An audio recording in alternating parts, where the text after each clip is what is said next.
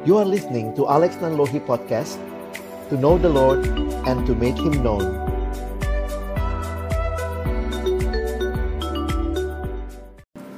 Mari satukan hati berdoa sebelum membaca merenungkan firman-Nya. Tuhan terima kasih. Kami ada semua karena kasih-Mu, berkat anugerah-Mu. Kami bersyukur untuk hari perhentian yang Kau berikan kepada kami. Terima kasih. Kalau kesempatan ini Tuhan berikan bagi kami bersama-sama kembali bersekutu memuji memuliakan namamu. Dan tiba waktunya bagi kami untuk membuka firman-Mu ya Tuhan.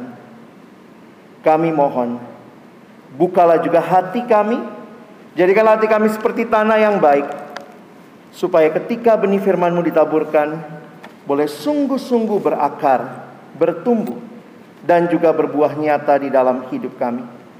Kami percaya kebangunan rohani yang sejati terjadi ketika umatmu berjumpa dengan Tuhan di dalam dan melalui firman. Karena itu, kami sungguh menyerahkan pemberitaan firmanmu pagi hari ini. Di dalam satu nama yang kudus, nama yang berkuasa, nama Tuhan kami Yesus Kristus. Kami menyerahkan pemberitaan firmanmu. Amin. Shalom Bapak Ibu Saudara yang dikasihi dalam Tuhan Yesus Kristus. Baik yang hadir dalam gedung gereja pagi hari ini Maupun juga Bapak Ibu sekalian yang ada di rumah masing-masing Menikmati ibadah bersama pada pagi hari ini.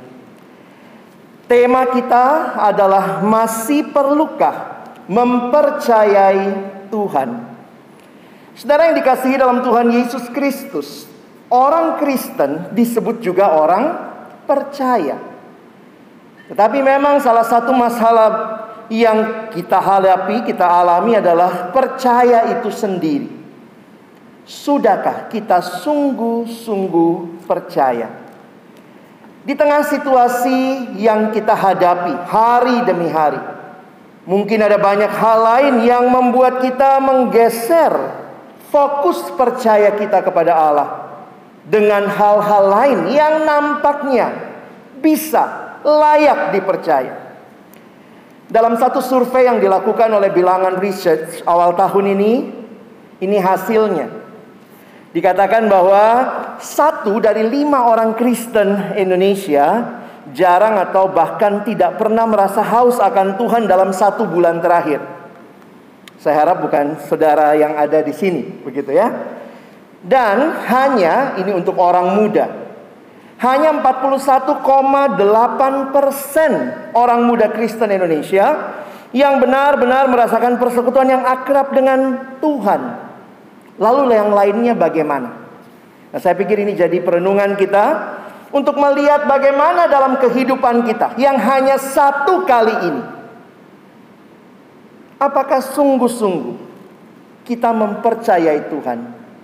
Percaya kepada Yesus satu-satunya Tuhan dan juru selamat kita.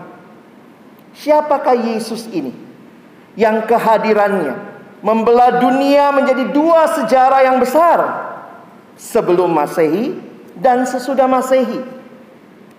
Apa yang begitu luar biasa dari pribadi ini sehingga kita pun harusnya bukan hanya kenal tetapi juga memberi respon terhadap panggilannya. Pagi hari ini firman Tuhan di dalam Markus pasal yang ke-8 ayat 27 sampai ayat yang ke-29 menolong kita melihat juga bagaimana perjalanan Yesus dengan murid-muridnya. Menjadi perjalanan yang di dalamnya dia memperkenalkan juga menyatakan kepada murid-muridnya tentang dirinya. Kemudian Yesus beserta murid-muridnya berangkat ke kampung-kampung di sekitar Kaisarea Filipi.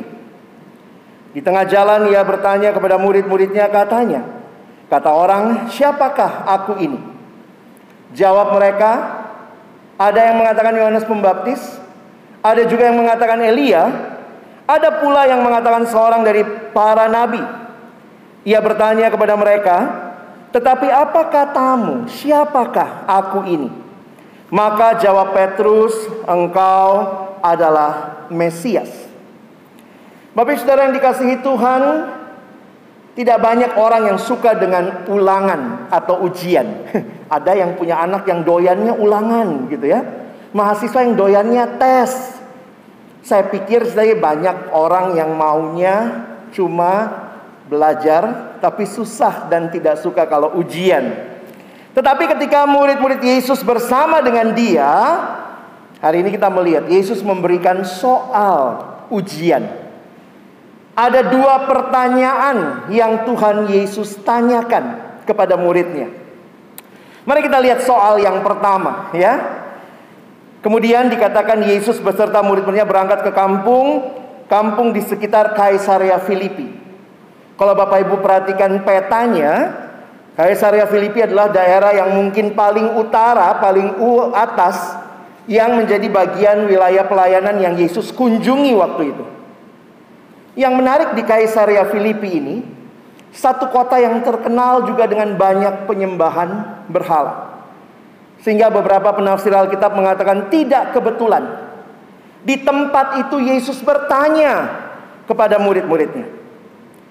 Katanya, kata orang, siapakah aku ini? Dan murid-muridnya bisa jawab, saudara ya. Perhatikan jawaban mereka. Ada yang mengatakan Yohanes Pembaptis, padahal Yohanes sudah meninggal. Kenapa?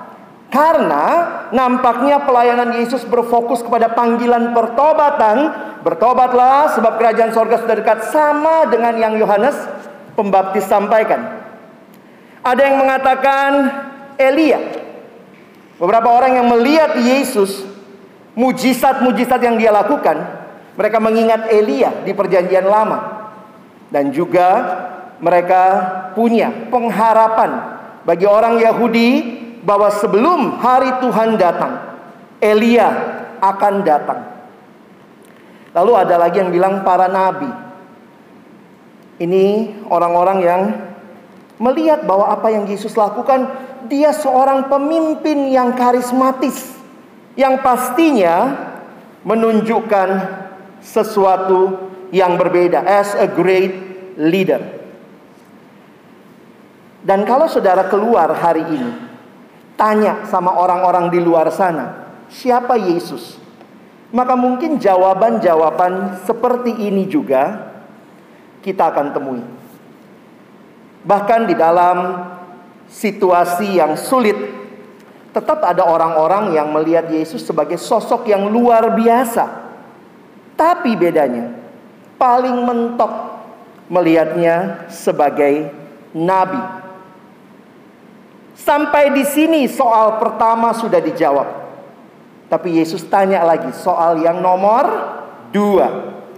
Kalau tadi menurut orang banyak, maka ia bertanya kepada mereka, tetapi apa katamu? Siapakah aku ini? Pertanyaan kedua ini menjadi sebuah pertanyaan yang lebih personal bagi murid-muridnya. Yang di dalam perenungan saya juga. Tuhan ingin tanya kepada Bapak Ibu Saudara sekalian. Menurut kamu, siapakah aku? Maka Petrus menjawab mewakili para murid, "Engkau adalah Mesias." Saudara menarik sekali jawaban Petrus ini karena jawaban ini di dalam bagian yang lain dalam Injil yang paralel dikatakan bukan manusia yang menyatakan kepadamu tetapi Allah yang menyatakan hal ini. Mengapa demikian? Saudara yang dikasihi Tuhan, seorang hamba Tuhan yang masih muda bernama David Platt, dia menyimpulkan bagian ini. A true understanding of Christ comes not from human invention, but only from divine revelation. Pengenalan akan siapa Yesus Kristus, Mesias, Sang Juru Selamat dan Tuhan. Ini bukan lahir dari penemuan manusia, tetapi hanya semata-mata wahyu Allah, penyataan Allah. Kalau saudara punya Alkitab cetak, lihat di belakangnya. Apa itu Mesias? Maka saudara akan disuruh lihat Kristus. Dan di dalam kamus Alkitab kita dituliskan begini. Mesias, Kristus. Mesias bahasa Ibrani, Kristus bahasa Yunani.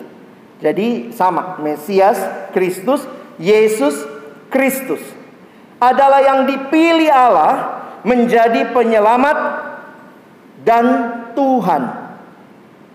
Saya pikir di sini kita bisa melihat ya bahwa kehadiran Kristus Mesias dipilih Allah menjadi penyelamat dan Tuhan.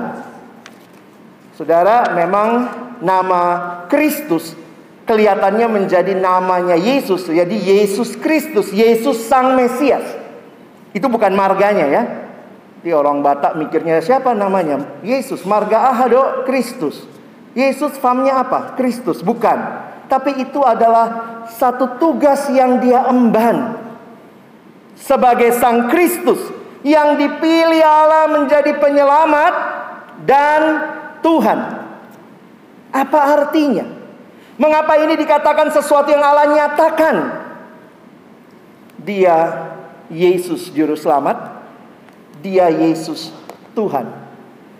Karena ketika saudara dan saya mengerti dengan jelas apa yang menjadi pergumulan kita, apa yang menjadi pergumulan manusia, mengapa kita membutuhkan Yesus yang adalah Mesias. Saudara di dalam Alkitab kita belajar tentang dosa. Kita tadi baca sebelum pengakuan dosa Roma 3 ayat 23. Tetapi semua orang telah berbuat dosa dan telah kehilangan kemuliaan Allah. Dalam perenungan saya di masa pandemi ini saudara, memang COVID-19 ini disebutnya pandemi. Tetapi saya pikir waktu membaca Alkitab, sin is the real pandemic. Dosa itulah pandemi yang sesungguhnya.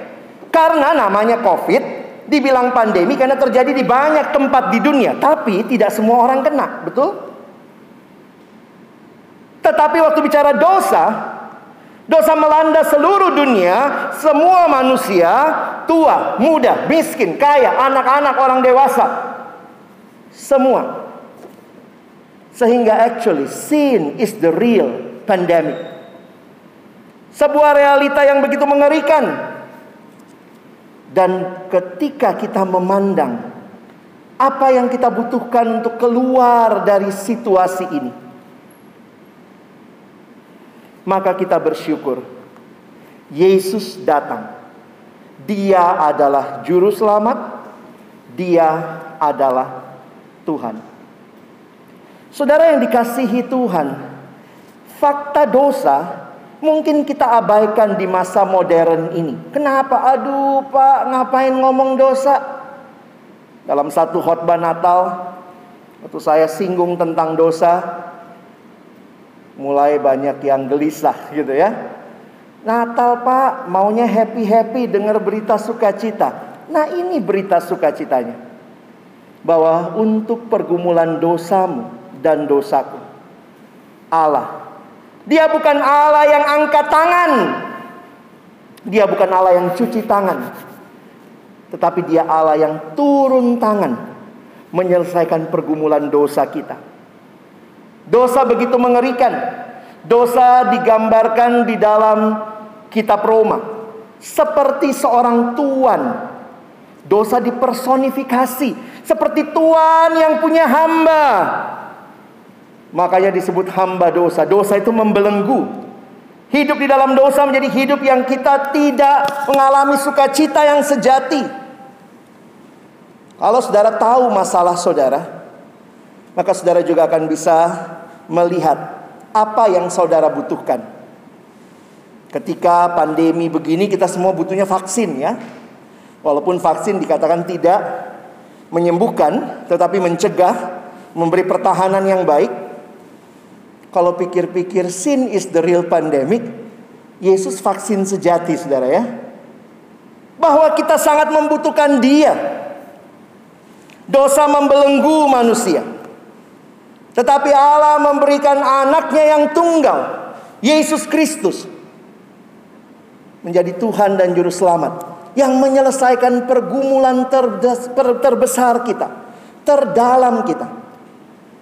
Semua agama bicara tentang keselamatan, kekristenan berbicara tentang keselamatan dari bahaya yang terbesar dan terakhir. Semua kita akan mengalami bahaya yang terbesar dan terakhir yaitu maut. Karena upah dosa adalah maut. Tetapi Allah menyediakan jalan keluar atas pergumulan ini di sinilah kita bertemu dengan betapa signifikannya kehadiran Kristus bagi saudara dan saya saya yakin betul Tuhan tahu pergumulan kita saudara setuju? Kalau pergumulan terbesar saudara hanya masalah ekonomi, yang diutus juru ekonomi saja, nggak usah juru selamat. Kalau masalah terbesar saudara hanyalah masalah kurang makan, yang diutus juru pangan. Yesus turun jadi juru pangan ya. Alatnya apa? Pacul, ya. Nanti kita pakai kalung pacul semua. Kalau masalah terbesar manusia hanyalah kurang adil diutus aja dari surga, hakim yang adil. Tapi masalah engkau dan saya adalah masalah dosa. Saudara dan saya butuh juru selamat. Masih perlu mempercayai Yesus? Masih perlu mempercayai Tuhan? Tergantung saudara sadar dulu nggak masalahmu apa? Di tengah-tengah situasi seperti ini dosa membelenggu begitu rupa.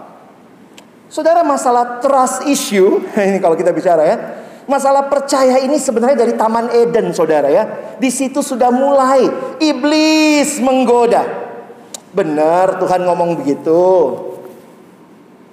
Hawa dan Adam yang percaya kepada Tuhan digoyahkan. Masalahnya apa? Trust issue. Ah nggak usah percaya sama Tuhan. Tuhan tuh nggak mau kamu jadi kayak dia. Tuhan nggak mau punya saingan. Karena itu saya mengutip kalimat pendeta John Stott dia mengatakan begini. Iblis sejak awal memutar balikkan firman Tuhan. Iblis membuat hal yang berlimpah menjadi terasa tidak memuaskan. Dan hal-hal yang dilarang menjadi nampak menarik. Kalau kamu makan buah pohon itu, matamu akan terbuka. Tuh, menarik kan? Sampai sekarang kata John Stott. Sampai hari ini ya, sampai sekarang. Salah satu kesibukan iblis adalah menjadikan hal-hal yang diizinkan Allah nampak membosankan. Dan hal-hal yang dilarang nampak menarik. Ya begitulah realitanya. Saya tanya sama anak remaja ya. Jadi anak Tuhan enak nggak? Diem semua. Nggak tahu kak. Enak apa enggak? Hmm, terus saya tanya lagi. Jadi anak Tuhan banyakkan bolehnya atau nggak bolehnya? Hmm, banyakkan nggak bolehnya kak. Nggak boleh bohong, nggak boleh pukul temen, nggak boleh mukul guru, nggak boleh mukul dosen gitu ya, nggak boleh uh, having sex di luar nikah. Jadi pertanyaannya, jadi anak Tuhan enak nggak? Bingung kak.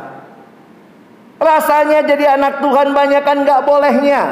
Tapi sebaliknya. Kalau saudara punya Tuhan yang semuanya boleh. Apakah itu Tuhan yang baik? Tuhan mau pukul guru, pukul. Tuhan mau bunuh orang tua, bunuh. Semua yang boleh jadi baik? Tidak. Ketika semua diperbolehkan, itu bukan kebebasan, tetapi itu keterikatan kepada dosa. Jadi iblis selalu membuat manusia merasa apa yang Tuhan bilang nggak enak, nggak baik, trust issue, nggak usah percaya sama Tuhan. Karena itu perhatikan, perbuatan dosa itu hanyalah di permukaan, saudara. Tapi intinya apa? Hati yang sedang tidak percaya kepada Allah lebih percaya kepada yang bukan Allah. Lebih percaya kepada berhala-berhala. Dan inilah masalah manusia. Sampai hari ini iblis menggoda dan manusia terus bergumul. Betulkah? Masihkah Tuhan perlu dipercaya? Kadang-kadang perkembangan ilmu pengetahuan teknologi membuat kita merasa percaya Tuhan itu terlalu kolot. Yesus juru selamat 2000 tahun lalu mati buat saya. Aduh pak, berita lama. Sekarang manusia sudah maju, sudah ke bulan. Masa masih ngomongnya Yesus? Tapi pertanyaannya sekali lagi. Apakah saudara tahu pergumulan terbesarmu dan melihat kepada Sang Mesias yang diutus Allah menjadi penyelamat dan Tuhan? Saya mencoba melihat beberapa hal yang membuat manusia sulit percaya Tuhan. Sebenarnya apa sih yang sedang terjadi?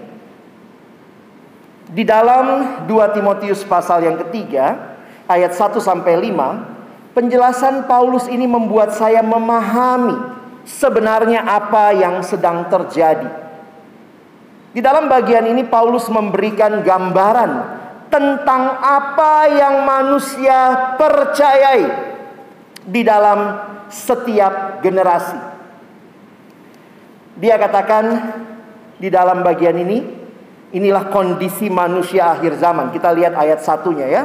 Ayat satu mengatakan, ketahuilah bahwa pada hari-hari terakhir akan datang masa yang sukar. Saudara, kalau memperhatikan di dalam Alkitab, kalau kita ketemu dengan istilah, ada dua istilah sebenarnya. Hari terakhir dan hari-hari terakhir. Itu beda ya.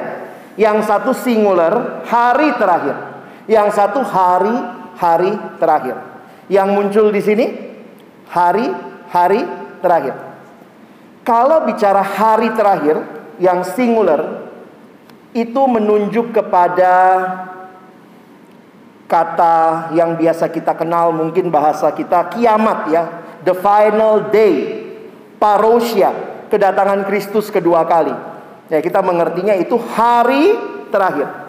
Tapi kalau Alkitab bicara hari-hari terakhir itu adalah sebuah periode dari Yesus datang pertama kali sampai nanti dia datang kedua kali nah periode ini adalah hari-hari terakhir Nah, Paulus menulis surat kepada Timotius. Paulus ada di mana? Hari-hari terakhir. Timotiusnya hari-hari terakhir. Bagaimana dengan kita? Sama. Kita juga ada di hari-hari terakhir. Karena itu kalau saudara teliti membaca Alkitab, ini bukan nubuat.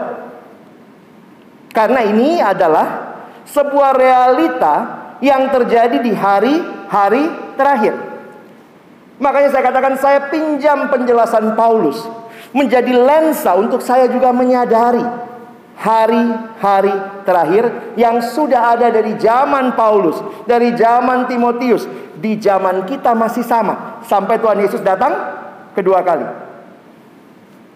Dikatakan hari-hari terakhir akan datang masa yang sukar. Apanya yang sukar, saudara? Ekonominya, politiknya, global warming, perubahan iklim.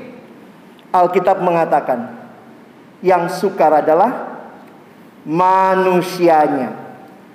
Inilah ciri-ciri manusia zaman akhir. Dalam ayat 2 sampai 4. Manusia akan mencintai dirinya sendiri, menjadi hamba uang, mereka akan membual dan menyombongkan diri, mereka akan menjadi pemfitnah, mereka akan memberontak kepada orang tua, tidak tahu berterima kasih, tidak mempedulikan agama, tidak tahu mengasihi, tidak mau berdamai, suka menjelekan orang, tidak dapat mengekang diri, garang, tidak suka yang baik, suka mengkhianat, tidak berpikir panjang, berlagak tahu, lebih menuruti hawa nafsu daripada menuruti Allah. Saudara hitung ini ada berapa? ada berapa? 19. Saya hitungkan bagi saudara ya. Inilah 19 ciri manusia akhir zaman. Para penafsir Alkitab mengatakan ini open ended list. Silakan bisa ditambah. Tapi paling tidak bagi Paulus ini yang dia lihat di generasinya. Dan waktu saya pelajari, wow, ini juga masih terjadi ya. sampai hari ini. Seringkali saya kalau mimpin di sekolah, ketemu anak-anak SMA, kalau biasanya mari kita evaluasi diri kita. Apa saja dosa-dosa kita? Suruh lihat list ini, ya. Kamu berapa nih? Dari 19 kamu berapa? Baru pada tik ya. Biasanya gitu. Hamba uang aduh kak, belum punya uang sendiri. Membual kadang-kadang, menyombongkan diri jarang bisa gitu ya. Tapi begitu berontak kepada orang tua semua iya ya kak saya itu saya itu ya. Nah realitanya apa? Saudara perhatikan dua yang atas dan dua yang akhir sebenarnya dalam terjemahan aslinya itu digunakan kata cinta. Sayangnya dalam terjemahan Indonesia kurang konsisten menerjemahkannya. Jadi harusnya manusia akan cinta dirinya sendiri. Yang kedua, cinta uang. Dua yang bawah, cinta hawa nafsu dan cinta Allah.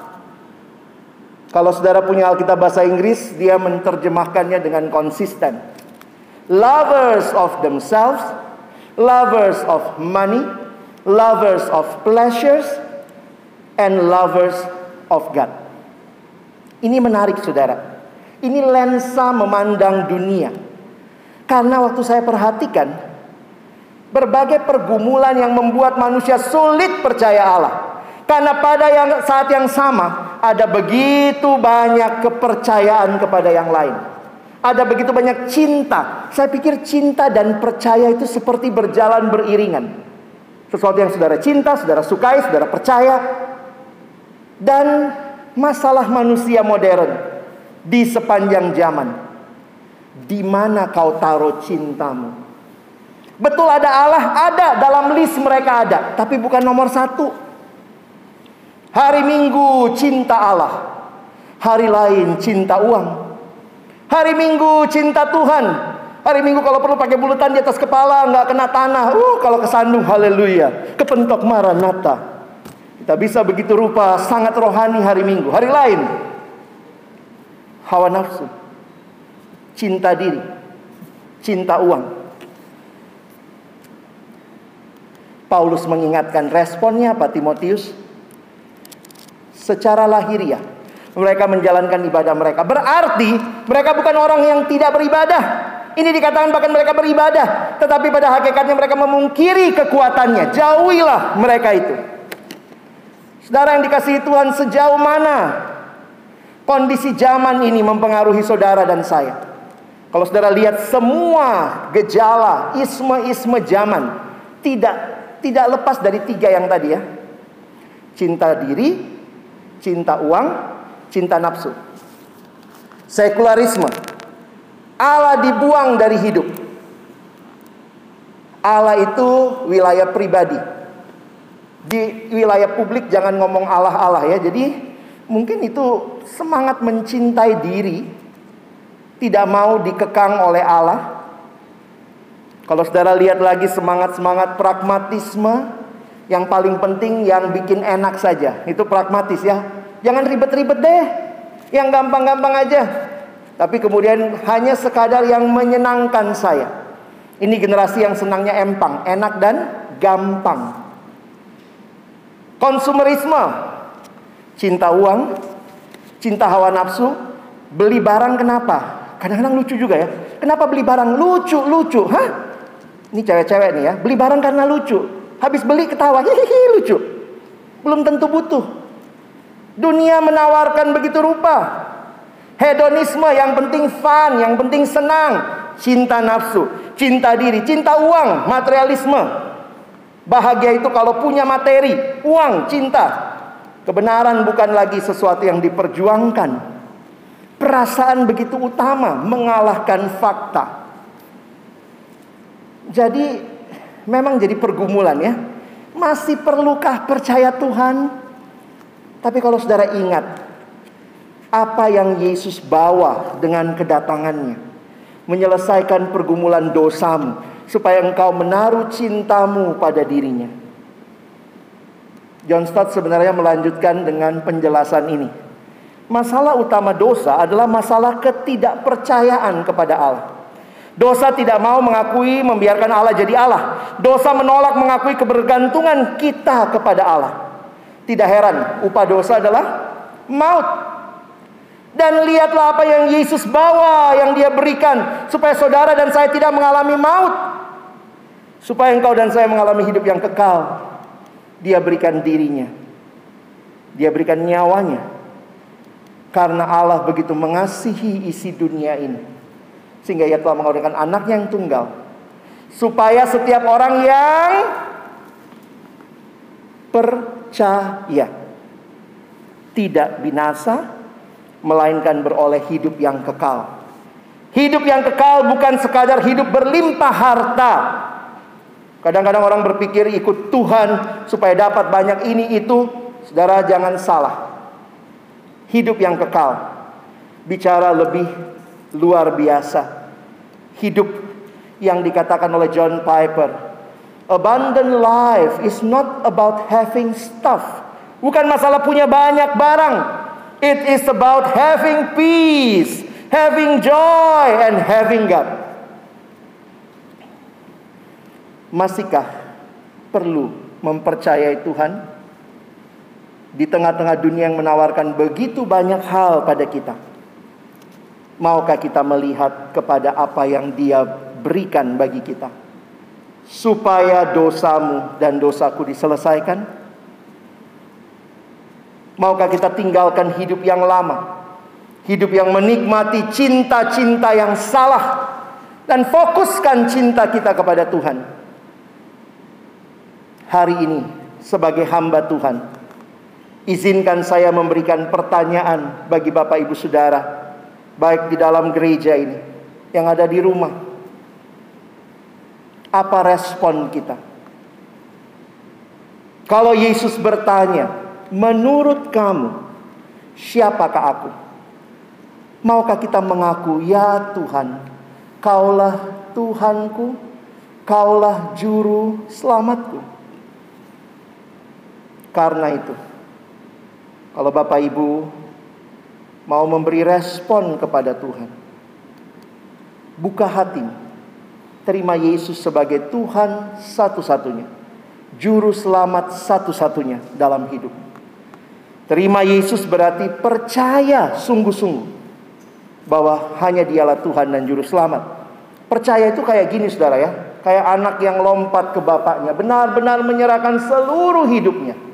Kita tuh kadang-kadang mau lompat sama Tuhan mau, sama harta mau, sama nafsu kita mau. No. Siapa yang perlu saudara dan saya fokuskan percaya kita? Tetapi kepercayaan tidak hanya berhenti sampai di situ. Bagi semua yang percaya miliki hidup yang bertobat sungguh-sungguh. Paulus berkata seperti menanggalkan manusia lama. Kayak pakai baju ya. Menanggalkan manusia lama, mengenakan manusia baru. Mungkin saudara bilang, Pak, saya sudah terima Yesus. Maukah saudara terus bertumbuh? Maukah saudara melayani Tuhan? Mulailah dengan datang kepadanya. Ingat janji firman-Nya. Daud berkata, dosaku ku beritahukan kepadamu dan kesalahanku tidaklah kusembunyikan. Aku akan mengaku kepada Tuhan pelanggaran-pelanggaranku dan engkau mengampuni kesalahan karena dosaku. Mari datang di hadapan Tuhan meresponi firman-Nya pagi ini. Mari kita tunduk kepala semua di hadapan Tuhan dan kita meresponi firman Tuhan.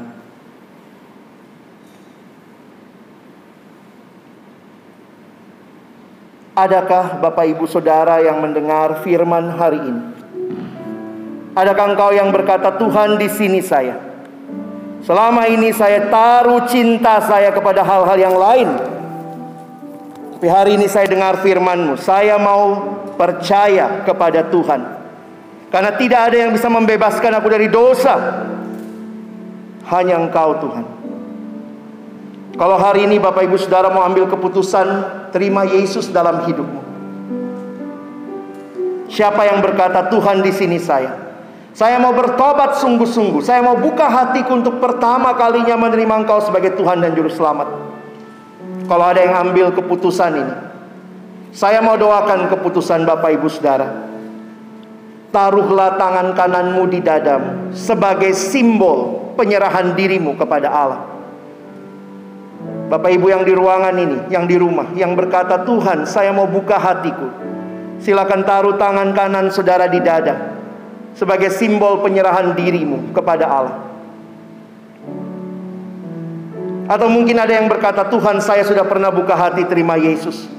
Tapi saya rindu Tuhan terus bertumbuh. Bahkan melayani Tuhan, itu juga saya rindu. Saya mau komitmen hari ini setelah dengar firman, saya mau bertumbuh terus dan melayani Tuhan. Jika ada yang ambil keputusan ini, taruh tangan kanan saudara di dada juga. Saya rindu doakan keputusan saudara. Tuhan terima kasih. Engkau lihat setiap hati yang terbuka di hadapan. Mereka yang buka hati terima Yesus bertobat sungguh-sungguh hari ini dan mau hidup bagimu. Tuhan teguhkan keputusan setiap saudara-saudaraku. Dan bagi mereka yang rindu terus bertumbuh di dalam Tuhan. Terus melayani Tuhan. Biarlah Tuhan juga yang teguhkan keputusan mereka. Kami serahkan diri kami kepadamu. Allah yang sudah terlebih dahulu menyerahkan dirimu bagi kami. Terima kasih Tuhan. Kami bersyukur dalam nama Yesus. Amin. Saudara yang dikasihi Tuhan, ada saudara-saudara yang akan mendoakan keputusanmu. Karena itu, silakan Bapak Ibu Saudara boleh mengirimkan keputusan Bapak Ibu dan nama sebagaimana yang tertera kepada nomor WA yang ada dan nanti ada Bapak Ibu Saudara yang akan mendoakan keputusan setiap kita. Terima kasih kiranya Tuhan menolong kita untuk terus hidup di dalam Dia.